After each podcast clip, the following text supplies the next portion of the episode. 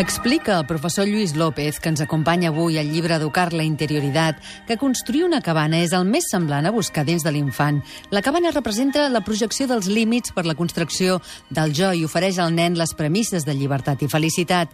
A la cabana es pren consciència del propi espai vivencial, del lloc íntim en què ens recollim i que habitem. A la cabana es viu el present.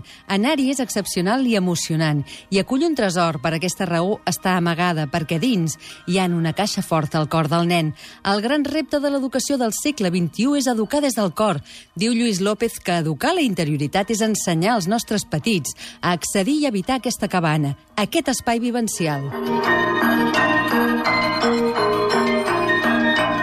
Això requereix la nostra voluntat i a vegades certa planificació perquè passa per crear espais íntims en família en què sense pressa puguem compartir el nostre interior a vegades de manera lúdica, altres amb rituals, altres en silenci, llegint.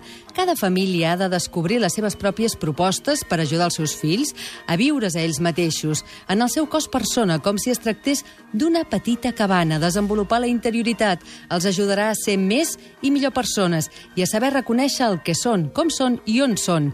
És necessari tenir en compte el ser interior de la persona. Si no es construeix el ser, el fer acaba per ofegar-nos. Diu la psicòloga Laia Montserrat, autora de Espiritualitat Natural i que també ens acompanya avui, que l'espiritualitat és innata al ser humà.